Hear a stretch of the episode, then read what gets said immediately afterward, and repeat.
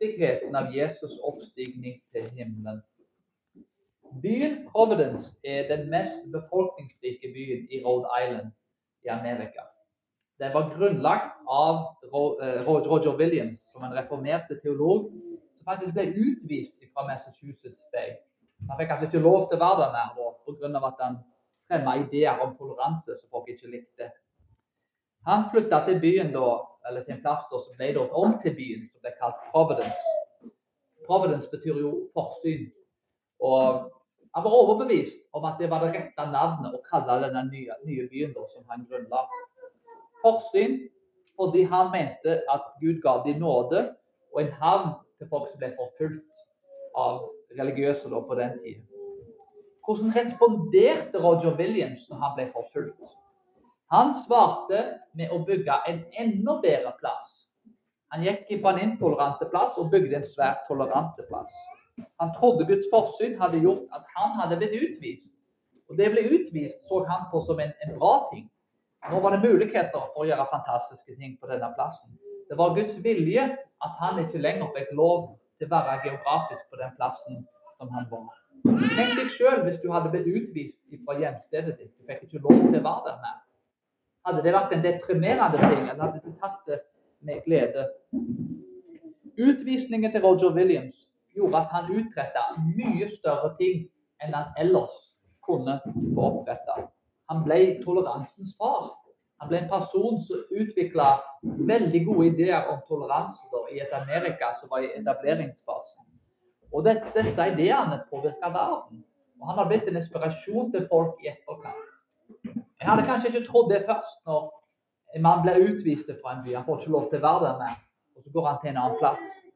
Men noen ganger i livet så kan Gud utrette aller mest når ting ser verst ut. Det er gjennom den verste motgangen en kan bli forma og få av de største tingene over tid. Jeg tenker kanskje i etterkant hadde det ikke vært bedre om Roger Williams hadde fått lov til å være i Massachusetts? Og sannheten er nei, det hadde ikke vært bedre. Og vi kan stille oss samme spørsmålet om Jesus. Hva om Jesus hadde vært på jorda? Hva om han ikke steg opp til himmelen? Hadde det vært en bra ting? Hadde det ikke vært kjekt å ha Jesus i Jerusalem der vi kunne reise på pilegrimsreiser og truffet Jesus, der han helbreda folk, eh, lagde masse fisk og, brød og, og, kunne mate masse folk, altså utførte mirakler. Det hadde jo vært en skikkelig flott ting. Kan man fortsatt hadde vært på jorda? Hva er konsekvensene om Jesus ikke hadde steget opp til himmelen? Og er det en bra ting til slutt at han steg opp til himmelen? Det er noen av de spørsmålene som jeg ønsker å svare på i, i dagens tale. Så la oss ha, gjerne ha de spørsmålene i bakhodet vi hopper inn i tekstene her. I begynnelsen av apostlenes gjerninger så gjør Gud nye ting. Han har en frelsesplan, og en kan se paralleller her med Det gamle testamentet, med profetene som overleverer autoriteten til den nye profeten som skal ta over. Det er et løfte om ånden og et budskap om å være vitner. Noe som følger et mønster fra utvandringen i andre Mosebok, men òg i Jesaja, som vi leste i kapittel 32. Vi ser flere andre eksempler på det, der Det gamle testamentet går inn i det nye. Så ha det i bakhodet når vi hopper inn i teksten. Det er to ting som vi skal se på i dag. Det første er at evangeliet går til jordens ende. Vers 6-8. Nummer to er at Jesus skal komme ned på samme måten som han gikk opp. Så Vi skal se at evangeliet går til verdens ende, og vi skal se på oppstigningen til Jesus. Og forhåpentligvis gjennom de tingene så vil vi se viktigheten av at Jesus får opp til himmelen. Hvorfor er det viktig, og hvorfor bør vi forstå hva Jesus vil si om det? Evangeliet går til jordens ende. da, Det blir punkt 1. Vers 6 i kapittel 1 så står det de som nå var kommet sammen, spurte ham og sa, Herre, er det på den tiden du vil gjenreise riket for Israel? Dette var et typisk spørsmål for disiplene til Jesus å spørre. Han hadde snakket veldig mye om Guds rike, og referansen om utløsningen av ånden er jo en ting som vi ser veldig mye om i Det gamle testamentet. I Jesaja 32, Esekiel 36, Joel, Jesaja 39 altså Det er mange plasser i Det gamle testamentet der du ser disse løftene som de jødene da, i Det nye testamentet satt og venta på. Det er en gammeltestamentlig forståelseslov lå i bakgrunnen. Hva er dette Guds rike? Hva er disse løftene om denne åndsutøsningen? Det er mye snakk om Guds rike gjennom Bibelen. Og det er mange ting som jeg kan si om det. Jeg skal ikke si alt i dag om det, men jeg skal si noen ting. Guds rike er Guds styre av nåde i verden. Det er en periode som profetene i Det gamle testamentet snakket om, og som Jesus identifiserte i sin tjeneste. Guds rike er å erfare shalom, som betyr Det er veldig rikt ord som, som betyr fred, lykke, harmoni. altså det, det, er mange ting som er involvert i det med ordet. Men det handler rett og slett om å, komme tilbake nesten i en tilstand til Edens hage, der en, der en virkelig har fred med Gud, med seg sjøl, med medmenneskene rundt seg. Der ondskapen er overvunnet, og folk lever i glede, fred og lykke. Dette var de gammeltestamentlige profetenes forventning til Guds rike. Døperen Johannes eh, blant annet, er jo, jo innblanda i å forberede Jesus når han kommer. Det skal komme en som, som, er større enn han, som er med å etablere Guds rike. Så han blir en tilrettelegger for Guds rike. Jesus repeterer dette om riket i Matteus 4,17 og i Markus 1,15 og at Guds rike er kommet. Omvend dere, for Guds rike er kommet. Jesus var en manifestasjon av dette riket og bekrefta dette riket med å helbrede folk og kaste ut demoner, bl.a. Etikken til Jesus og moralen òg en del av riket. Et kall til å utvikle rettferdighet, et god etikk og godhet i samfunnet. Kampen mot ondskap, synden og djevelen begynte med Jesus.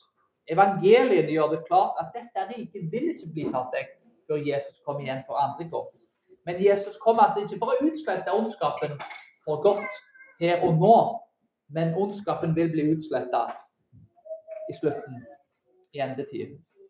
Riket vokser som et sennepsfrø. Et lite, kanskje et av de minste frøene. Og det vokser til et stort, stort, stort, stort, stort rike. Jødene forventa at ondskapen skulle bli utsletta, men Guds rike kom på en litt annen måte enn de forventa. Guds rike handler ikke om at ondskapen skal utslettes fra det fysiske Israel, men riket kommer òg nå til hedningene. Jeg er altså ikke en, en jøde, og dermed da, blir jeg en etnisk da, eh, hedning. Det var veggen mellom jøden og hedningen skulle bli skilt. Og Gud hadde en frelsesplan, ikke bare for Israel og for jødene, men for hele verden. Og derfor så utsatte han det å komme igjen for andre gang. Guds rike kom og viste hedningen at de skulle være et lys for nasjonene. Der alle nasjoner og etnisiteter, ikke bare Israel, kunne få tak i frelsen. Dette Guds rike invaderte jordet, utfordra ondskapen, synden og djevelen, til tross for det arbeidet ikke ennå er ferdig. Vi er nå i en tilstand der vi har tatt opp den kampen mot synden i oss sjøl, ondskapen i verden. Der vi sprer evangeliet til alle nasjoner, sånn at individer kan bli frelst og nasjoner kan bli forvandla. Bibelens etikk og livssyn og frelse er med gjennomsyrer samfunn. En måte å si dette på er at Gud vil ord at hedningene, inkludert meg sjøl, som, som, skal få tak i frelsen. Altså de som ikke da er jøder i bibelsk sett. Han kom altså for å pode alle inn på ett tre. Ikke to trær, men på ett tre. Som står i Galaterbrevet det er ikke forskjell lenger på, på, på jøde og greker. Alle er ett i Kristus. Så hvis det er ett argument mot jødedommen og veldig glad i, i, mange av tingene i, i, vår jødiske tro og, og våre jødiske venner Men, men ett argument som, som går imot jødedommen, er det jo nettopp det at jødedommen er jo mye mer at det er kun for jødene. Det er kun for Israel. Mens, mens denne frelsesplanen som Gud hadde, var for alle. da. Og Det er jo en, en fantastisk ting at det vi ser i Det gamle testamentet, løftene i profetene nå, det er meningen at Gud hadde en plan for hele verden. For så høyt har Gud elsket verden. Han elsker hele verden og vil frelse hele verden. Planen var ikke for én gruppe, men for alle grupper. Og dermed da så er vi fortsatt ikke da kommet til endetid. For Gud har en plan der han vil utvikle sitt rike fram til han kommer igjen for andre gang. I vers 7 så står det Han sa til dem, det er ikke deres sak å vite tider eller timer som Faderen har fastsatt av sin egen makt. Det er fascinerende ting i lys av Matteus 24. Der sier han noe lignende om at ingen skal vite dagen der han skal komme igjen. Og Det er ofte fascinerende hvordan vi som kristne kan lese ting inn i Bibelen. Og Det er et eksempel da Jesus sier at det er, det er 153 fisker det er alltid som diskusjoner hva det egentlig betyr, og, og alle disse tallene. Men en som sa det liksom at det det betyr, sa han, er at det er 153 fisker. Når det står 153, så betyr det at det er 153. Når det står at vi ikke kan vite dagen, så betyr det at vi kan ikke vite dagen. Når det står at Faderen vet tiende, så betyr det at Faderen vet tiende. Og dermed da så blir det imot det bibelske, det å gjette datoer. Gjennom historien så har mange ja, gode teologer og, og visse andre folk hatt endetidsprofetier. Det vi har satt den datoen i enden. Kristoffer Columbus tok feil angående profeti. Cotton Mater, Isaac Newton, den store fysikeren, var veldig opptatt faktisk av bibelske profetier. Og, og skrev faktisk tre ganger så mye om Bibelen som han gjorde om, om fysikk. Og hadde også en del profetier da, som, som veldig smarte fyr, kanskje de smarteste folkene som har levd gjennom hele historien. Han kunne klare matematisk sett finne ut av datoene, som er egentlig den moderne fysikkens far. Så tror jeg vi andre har store problemer med å få det til. da. Eh, du har òg i forhold til dette med en, som nesten ble amerikansk president, Al Gore. Så da i 2016 så skulle vi ha vært utsletta pga. at klimaet det var så varmt å bo her at vi kunne ikke levd. Men i dag i 2022 vi lever fortsatt. Heldigvis. Så har det ikke blitt så varmt ennå. Men uh, du har andre eksempler på ja, uh, Jehovas vitner, f.eks. Charles Tace Russell i 1874, en, en profeti som, som tok feil. Men, men, her er at det er folk for alle kirkesamfunn og folk som snakker om, om, klima, folk som snakker om ulike ting, som har tatt helt feil på dette med hva den dagen, hva denne dagen er. Og Tolkningen her er jo at ingen vet dagen. Vi hviler og stoler på at Gud vet bedre enn oss. Han har en plan og en mening med det universet han har skapt. Og vi setter vår lit til ham om disse tingene. I Det gamle testamentet så er det også veldig harde straffer for de som kommer med feilaktige profetier i 5. Mosebok 18. Eh, veldig harde straffer for de som tar feil av profetiene. Heldigvis i dag så, så er det, får ikke den type konsekvenser for å ta feil av profetiene. Men interessant å se at Gud ser på det så veldig alvorlig at vi setter vår lit til Han og stoler på at Han har kontroll på tidene. Anvendelsen her er jo da å, å lytte til Jesus og ikke andre. Hvis noen har, sier da i 2023 så da kommer Jesus igjen. Så Det er ingen som kan vite den dagen. Enkelt og greit. da. Jesus og, og, og Lukas, som, som, skriver her, vet bedre da enn en, en vi gjør. Det bringer oss til vers 8. og Der står det men dere skal få kraft idet Den hellige ånd kommer over dere. Og dere skal være mine vitner både i Jerusalem, hele Judea og Samaria, og like til jordens ende. Helt til jordens ende. Ordet 'komme på deg' her er at ånden kommer over dem. En sånn parallell faktisk til Jesaja 32, 15, som vi leste. Ånden kommer ovenfra. Jesaja 32 snakker om at det skal skje en forvandling av den naturlige verden, og at Guds rike skal komme med rettferdighet og velstand for hans folk. Disiplene er altså nå en profetisk rest av åndsfylte vitner i Israel.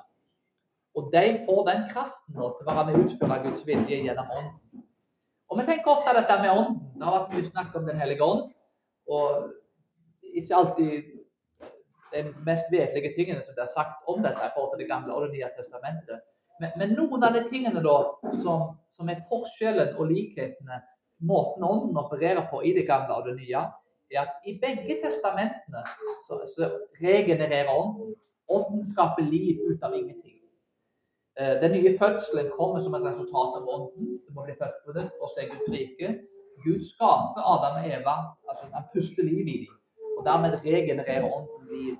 Nummer to, ånden fyller folk opp og velger ut ledere til å utføre visse oppgaver. Ånden holder tilbake synden og utruster folk til å utføre en viss tjeneste. Og Dette ser vi både i Det gamle og i Det nye testamentet. Dette er ikke bare nytestamentlige ting. Eh, forskjellen i Det gamle og Det nye testamentet er at i Det nye testamentet så bor ånden i større grad permanent i den troende. Det er en av de store forskjellene. Og I Det gamle testamentet så er det mer ledere som blir utrusta av Den hellige ånd, iallfall i større grad. Mens her er det mer en, kanskje en demokratisering av Den hellige ånd, om en får lov til å bruke et politisk uttrykk. Alle da, troende får ånden boende permanent i seg. Videre så ser vi at å gå til jordens ende har en dobbelt betydning. I Bibelen betyr dette at evangeliet da skal til enden av Romerriket. Dette er teknisk sett den rette tolkningen i den konteksten. Dette var en tid uten iPad, uten Internett, eh, uten teknologi, uten en globus som vi har. De hadde, Amerika var ukjent. altså Store deler av Asia og Sør-Amerika var uutforska områder for en del folk.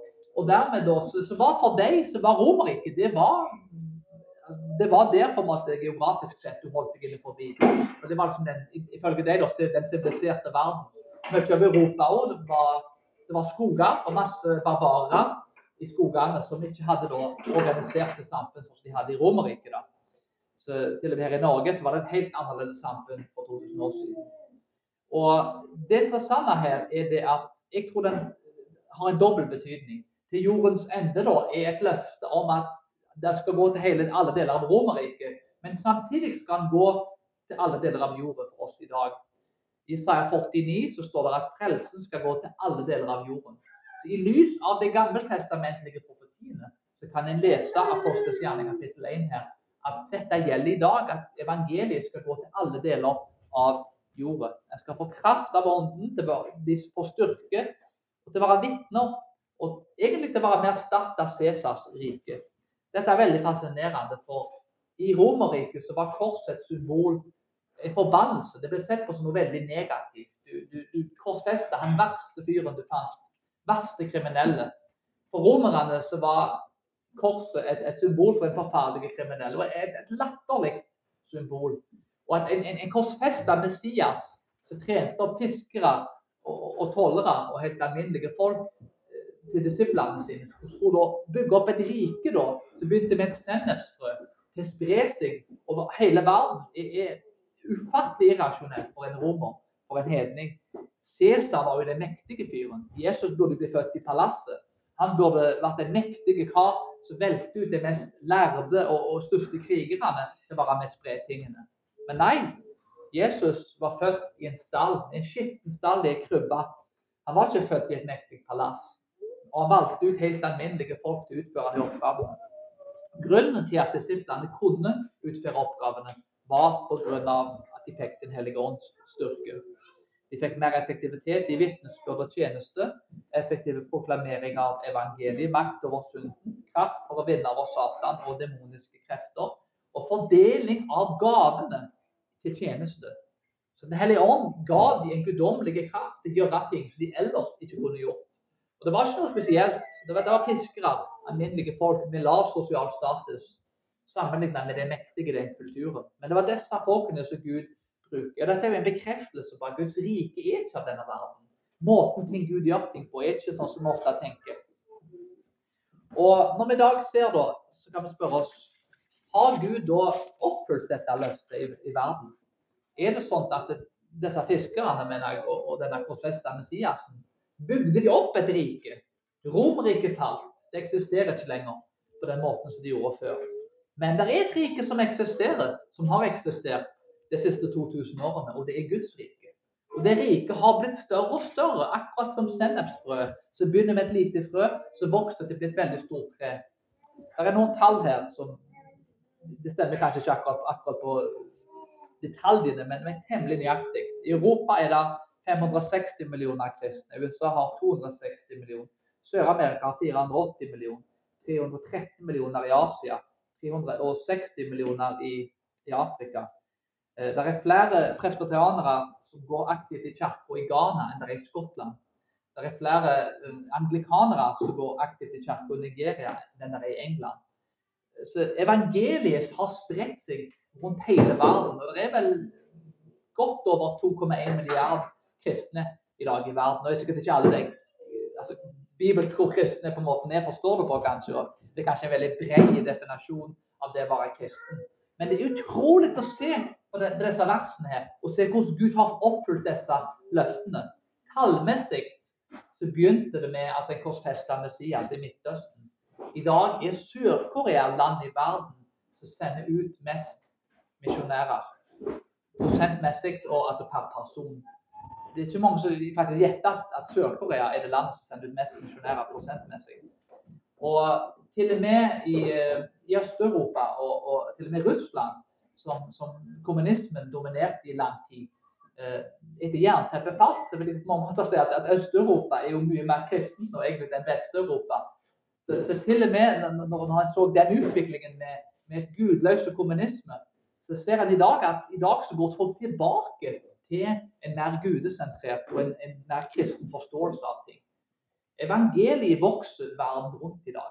Det vokser ikke så mye i Europa som, som, det, som det, burde gjort. Europa er et, et, et veldig gudløst kontinent. Ja, Vest-Europa spesielt. Men Sør-Amerika og ja, Nord-Amerika er det forholdsvis bra. Men i store deler av Asia og Afrika så vokser kristendommen. Kristendommen er en religion som vokste enormt mye. Han har bare ikke vokst så mye i Europa den siste tida. Men det er virkelig en, en, en religion som vokser på verdensbasis.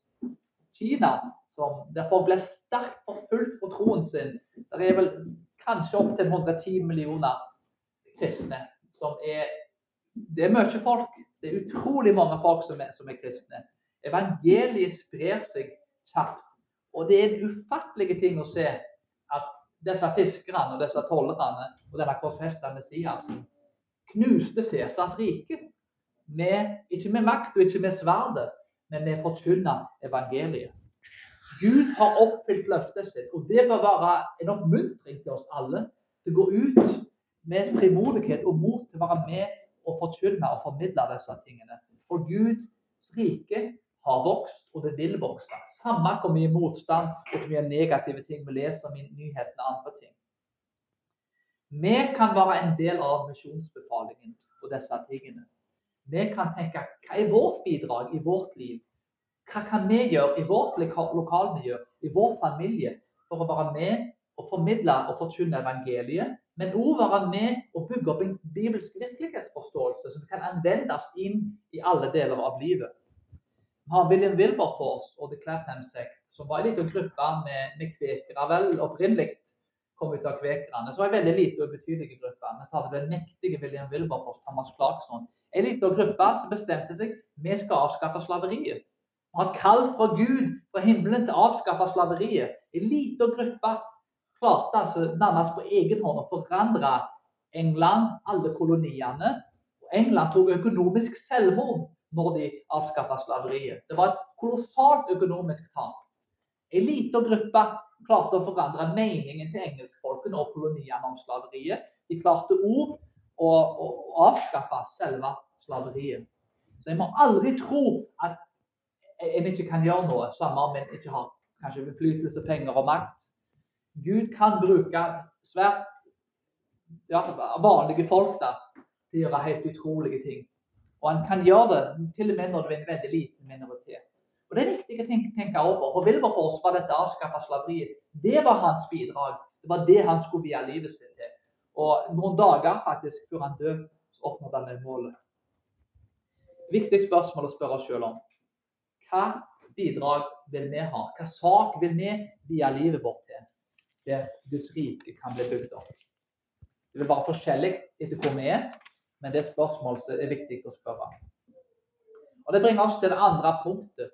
Jesus vil komme igjen på samme måten som han gikk opp. I vers 9-11 jeg bare lese det igjen. Da han hadde sagt dette, ble han løftet opp mens de så på, og en sky tok han bort fra øynene deres. Mens de sto der og stirret opp mot himmelen idet han for bort, se, da sto to menn i hvite klær hos dem, og de sa, Galileiske menn, hvorfor står dere og ser mot himmelen? Denne Jesus som er tatt, fra, uh, sorry, tatt opp fra dere til himmelen, skal komme igjen på samme måte som dere så han fare opp til himmelen. Greske guder som folk trodde på på denne tida, gikk opp til himmelen for å dø. Lukas' oppstigning, det han påpeker her at Jesus oppstiger, det er, altså, han peker på en sannhet om at kongen gikk hjem. Dette er en spesiell begivenhet.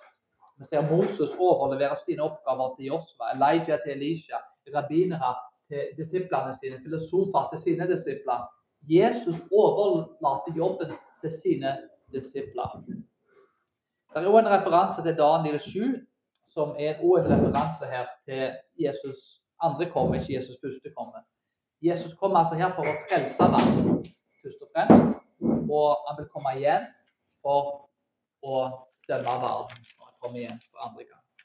Og vi tenker kanskje ofte da at ja, men hadde det ikke vært bedre om at Jesus hadde vært med disiplene? Han kunne reist rundt i verden for å forkynne evangeliet. Jesus hadde jo vært en mye mer effektiv evangelist, evangelist enn noen av oss. Eh, dermed også, Det hadde vært en skikkelig bra ting. Kunne han ikke bare vært på jorda? Tror han egentlig godt i himmelen? For å gå tilbake til spørsmålet jeg spurte i begynnelsen. Og det er sånn at Uten at Jesus gikk til himmelen, så hadde ikke vi fått Den hellige ånds kraft. Og dermed så hadde vi ikke fått den kraften til å være med og spre evangeliet på samme måte. I brevbrevet 9, 11-12 så står det Men da Kristus kom som ypperste prest for de goder som skulle komme, gikk han gjennom det teltet som er større og mer fullkommen, som ikke er gjort med hender, dvs. Si som ikke er av denne skapning, ikke med blodbukker og kalver, men med sitt eget blod gikk han inn i helligdommen en gang for alle og fant en evig forløsning. Og I brevbrevet 12,24 så står det Jesus mellommannen for en ny pakt og det rensende blodet som taler bedre enn Abels blod. Kristi forsoningsverk endte ikke på korset, men det endte med at Jesus gikk til Faderens åsyn med blodet. Og Der presenterte han blodet som et endelig og tilstrekkelig soningsmiddel for all synd. Det er dette blodet til Jesus som taler bedre enn Abels blod. Og det taler bedre enn Abels blod på to forskjellige måter. Abels blod ble utgitt på jorden, mens Kristi blod ble presentert i himmelen. Abels blod kalte på Guds hevn på den som myrda han, mens Kristi blod handler om at Kristi blod taler til Gud på himmelen om nåde og tilgivelse. Israelittene malte blodet på dørstokkene, sånn at dødsengelen skulle gå dem forbi. Jesus gikk foran Gud, Faderen i himmelen, og malte blodet og la det foran Gud, sånn at straffen og dommen som Gud er nødt til Han er nødt til å dømme synd, for han er en god Gud. Han er en rettferdig Gud. Den dommen kom på Jesus i plassen. Og Jesus viste med dette blodet at nå er verket fullbrakt. Han hadde tatt på seg straffen. Han hadde gjort dette, og derfor så slapp vi. Og dermed så ble, som et resultat av at det blodet ble fremvist til Gud Faderen, så fikk vi Den hellige ånd. Den ble forløst, og vi får tilgang på Den hellige ånd.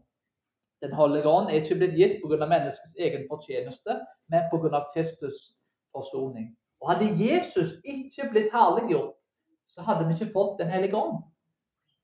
Jesus var geografisk betinget i sin menneskelige kropp. Og Dermed så kunne han bare være én plass om gangen. Den hellige ånd kan jobbe i Kina, i Sør-Amerika, i, i, i, Ukraina, altså i Øst-Europa, Vest-Europa, Amerika, Canada Altså, han kan jobbe overalt på likt. Det skjer det ting over hele verden. Den hellige ånd reiser opp fiskere og, og tollere skulle jeg si, og alle mulige folk rundt i verden på likt og utruste dem med åndens kraft, så de kan utføre fantastiske ting og være med og bygge opp Guds rike. Den hellige ånd bærer vitnesbyrd om Jesus blod og offer. Og derfor er det viktig at Jesus gikk opp til himmelen. Jeg er veldig takknemlig for at Roger Williams ble utvist fra, Providence, sorry, fra Massachusetts Bay og gikk til Providence og bygde den byen. Og at dette ble en tolerant by som, som ble et vitnesbyrd for verden i etterkant. Når folk leser historiebøkene, så er han ofte en stor inspirasjon. Det at han forflytta seg geografisk fra Massachusetts Bay til Providence, var en god ting. Han fikk utretta fantastiske ting. Jeg er òg veldig glad for at Jesus steg opp til himmelen. At når han forflytta seg geografisk fra himmelen til jorda, at han nå fikk utretta mye større ting. Både med hensyn til vår forsoning, men òg med hensyn til Den hellige ånd. Kristi himmelfartsdag er en viktig dag. En viktig hellig dag der vi feirer svært viktige ting. Til tross for det var en torsdag og ikke i dag, så vil jeg at vi skal ha det i minne om at Jesus for opp til himmelen, sånn at vi skulle få Den hellige ånd. Og Det er en utrolig gave, og det er noe som virkelig er verdt å feire. La oss be. Himmelske Far, takk for dine gode gaver. Takk for at du får opp til himmelen, at du ikke var på jorden, men at du får opp til himmelen, sånn at vi kunne få Den hellige ånd. At vi kan få den kraften som er i ånden. Må du utruste oss med den kraften som vi feirer da i, i pinsen. At vi kan utføre og spre dette Guds rike til alle deler av jorda. Men la oss nå få spre dette riket her i Norge. Må du utruste oss til å spre det her. Her er det virkelig et stort behov. Må du gi oss visdom, styrke og åndskraft til med å utføre disse tingene. I Jesu navn. Amen. Stå gjerne oppreist sammen med meg, og så synger vi Salme 110. Tusen takk til, til Laura, som har oversatt en del av Vi tar med å oversette en del av Laura er i ferd med å oversette en del av salmene da, til norsk. Så vi, vi synger da de bibelske salmene som er Bibelens tekst oversatt til sangformat. Så tusen takk til Laura for den flotte innsatsen som hun har gjort med, med å oversette disse sangene. Så la oss avslutte med den. Er det flere vekk? Okay. Herren sier til min høyre, sett deg ved min høyre hånd til jeg får møtt dine fiender, til skam for dine føtter.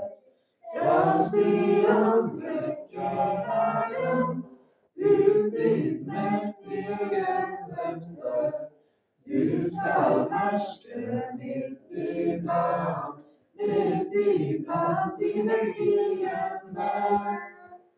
Ditt forfødte vil bli klar den dag du viser din kraft. Din ungdomsstund kommer til deg i kraft fra morgens fall. Herren har sørget, og han skal er prest til evig tid, etter Melkisedeks vis. Herren er ved din høyre hånd, han lyser konge. På sin vederstad han holder dom